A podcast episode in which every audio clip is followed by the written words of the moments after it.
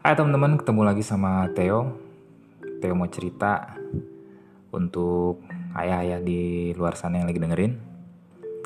Theo yakin pendengar ayah move on ini pasti di awal tahun 2000 nih pernah punya band, grup band ya. Bukan boy band atau girl band, bukan. Tapi grup band yang ada vokalisnya, ada gitarisnya, gitarisnya harus dua, ada yang leading ada yang rhythm ya kan? Kemudian ada basis ada drummernya. Nah, sulit, banget tuh dicari tuh. Dan ada yang lebih sulit lagi dicari selain basis dan drummer yaitu pemain saxophone. Maka jarang banget pada saat itu ada pemain saxophone. Anyway uh, teman-teman pasti pernah punya band Theo yakin yang seumuran Theo.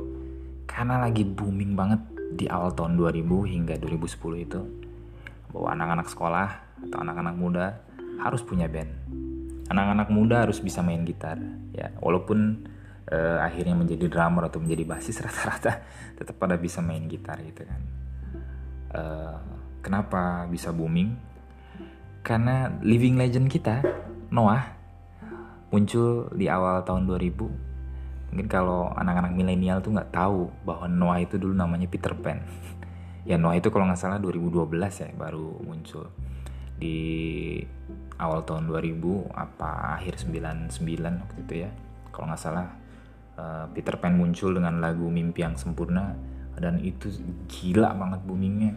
Dimainin sama pengamen dinyanyiin saat kawinan saat hajatan acara sunatan.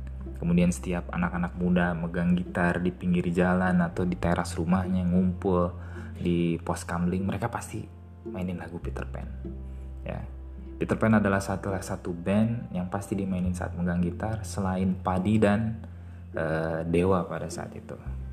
Nah, karena Peter Pan ini mungkin dirasa meraih kesuksesan instan ya hanya dengan satu lagi kemudian langsung terkenal, satu lagu kemudian langsung terkenal, sehingga anak-anak tuh kayaknya ngeband asik gitu. Ngeband ini jalan menuju fame. Padahal kalau kita mau tahu sejarahnya Noah dan Peter Pan itu nggak instan ya lagu mimpi yang sempurna itu nggak langsung terus jadi dan apa namanya nggak sekali muncul ngeband langsung kita kenal sama Noah yang sekarang. Anyway, setiap pulang sekolah kita pasti ngumpul sama teman-teman di studio band. Patungan pada saat itu mungkin 10 ribu 15 ribu ya kalau nggak salah nyewa studio band satu jam. Nggak terlalu mahal dan nggak terlalu murah buat anak sekolah pada saat itu dan nggak tahu kenapa disebutnya latihan yuk. Padahal mah lebih tepatnya main musik gitu karena latihan untuk apa? Main gigs enggak. Kemudian band komersil juga bukan gitu kan. Uh, paling main paling banter buat kelas meeting buat perpisahan kelas perpisahan sekolah gitu kan. Dan kalau mungkin anak-anak international school nggak tahu ya ada prom night gitu kan. Jadi latihannya untuk apa gitu. Tapi kita sering nyebutnya yuk kita latihan gitu. Oh, bro latihan yuk gitu kan. Mungkin kalau kayak anak-anak yang seneng main bola juga gitu ya latihan yuk gitu ya. Nggak jarang nyebut main bola yuk gitu. Lebih seringnya latihan gitu kalau tempatnya sesuai. Nah pada saat itu ah, sering banget hampir setiap pulang sekolah atau malam minggu. Dan studio band pada saat itu gila keuntungannya.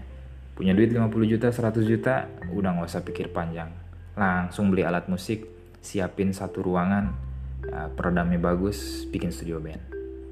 Dan pada saat itu benar-benar menghasilkan karena bayangin misalkan studio band ini buka dari jam 10 siang sampai jam 12 malam bahkan bisa jam 1 pagi gitu kan itu full penuh.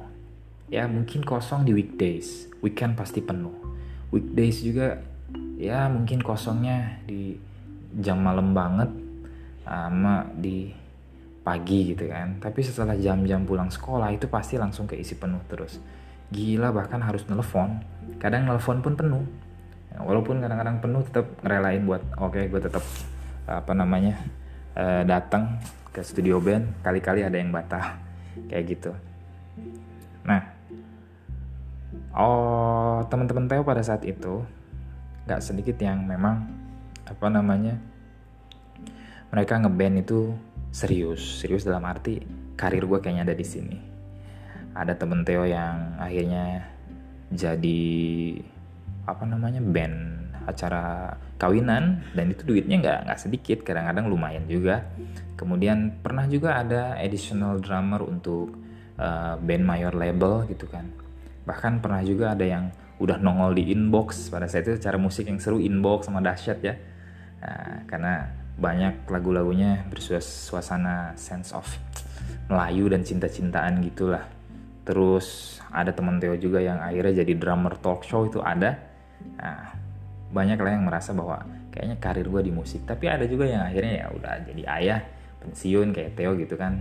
Kayaknya nyentuh gitar aja setahun sekali udah jarang banget gitu tapi ada juga yang masih seneng main gitu. Uh, di share di Instagramnya bahwa dulu pernah jadi leading gitar yang luar biasa gitu lead gitaris yang ajib. Masih nge-share masih ada ilmunya gitu kan. Kayak gitu. Nah Theo juga pernah ngalamin dulu jadi ceritanya kalau nggak salah di tahun 2009 lah. Karena waktu itu Theo di 2008 lagi seneng banget nyiptain lagu. Kemudian dikasih denger nih sama orang-orang pede aja gitu sama temen kuliah sama teman kantor uh, kemudian suka nyanyi-nyanyi juga ya kan? Uh, mungkin di mobil dan lain-lain. Akhirnya ada bos pada saat itu dari tempat Theo kerja dia bilang yuk uh, lu masih suka nyanyi nggak?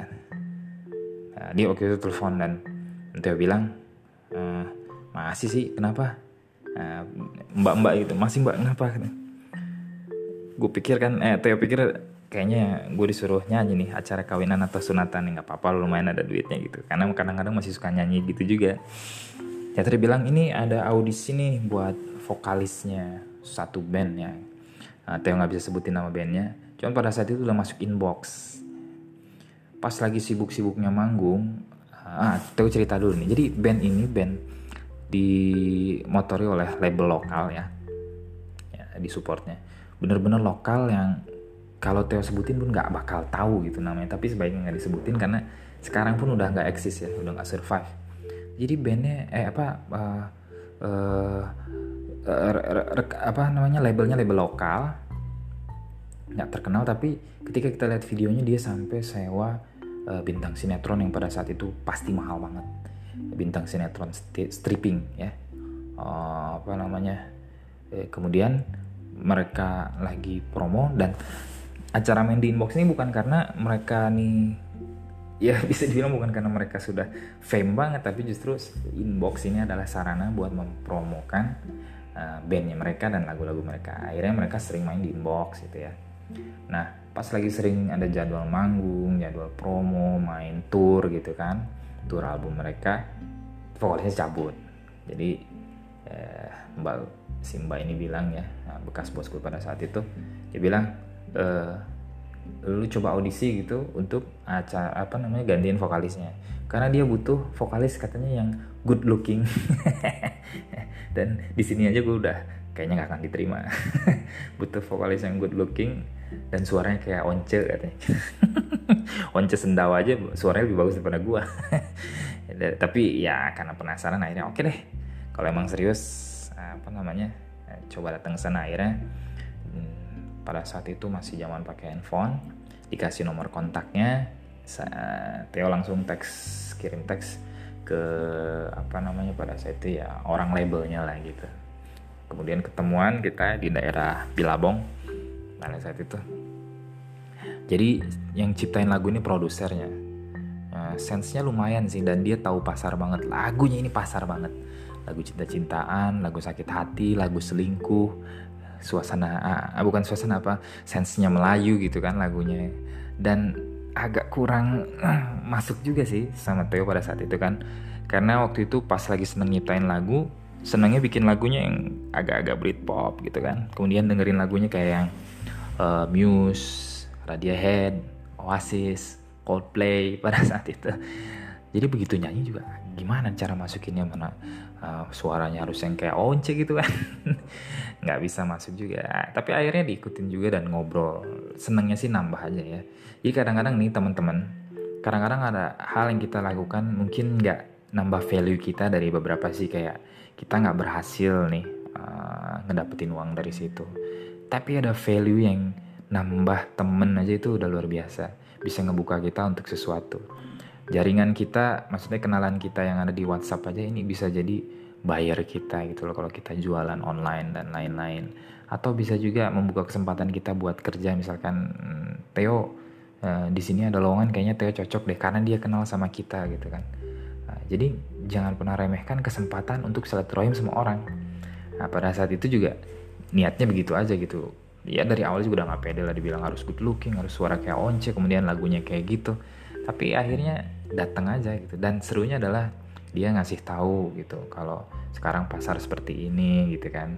Dan pengalaman dia ternyata orang yang di label itu bukan orang sembarangan lah bisa dibilang uh, si produser ini punya duit gitu kan. Nah, apa namanya uh, dia bikin lagu dia sampai bikin video klip. Dan orang yang disewa yang yang waktu itu audisi Theo itu adalah orang yang memang sudah pengalaman di musik. Akhirnya dia ngasih kayak ya bisa dibilang jangan nasihat pada saat itu karena Theo masih muda kan. Bahwa dia bilang e, musik lu nggak masuk pasar banget ya karena kan Theo kasih denger lagu yang Theo ciptain gitu kan yang agak-agak Britpop agak-agak kebarat-baratan gitu dan pakai bahasa Inggris katanya.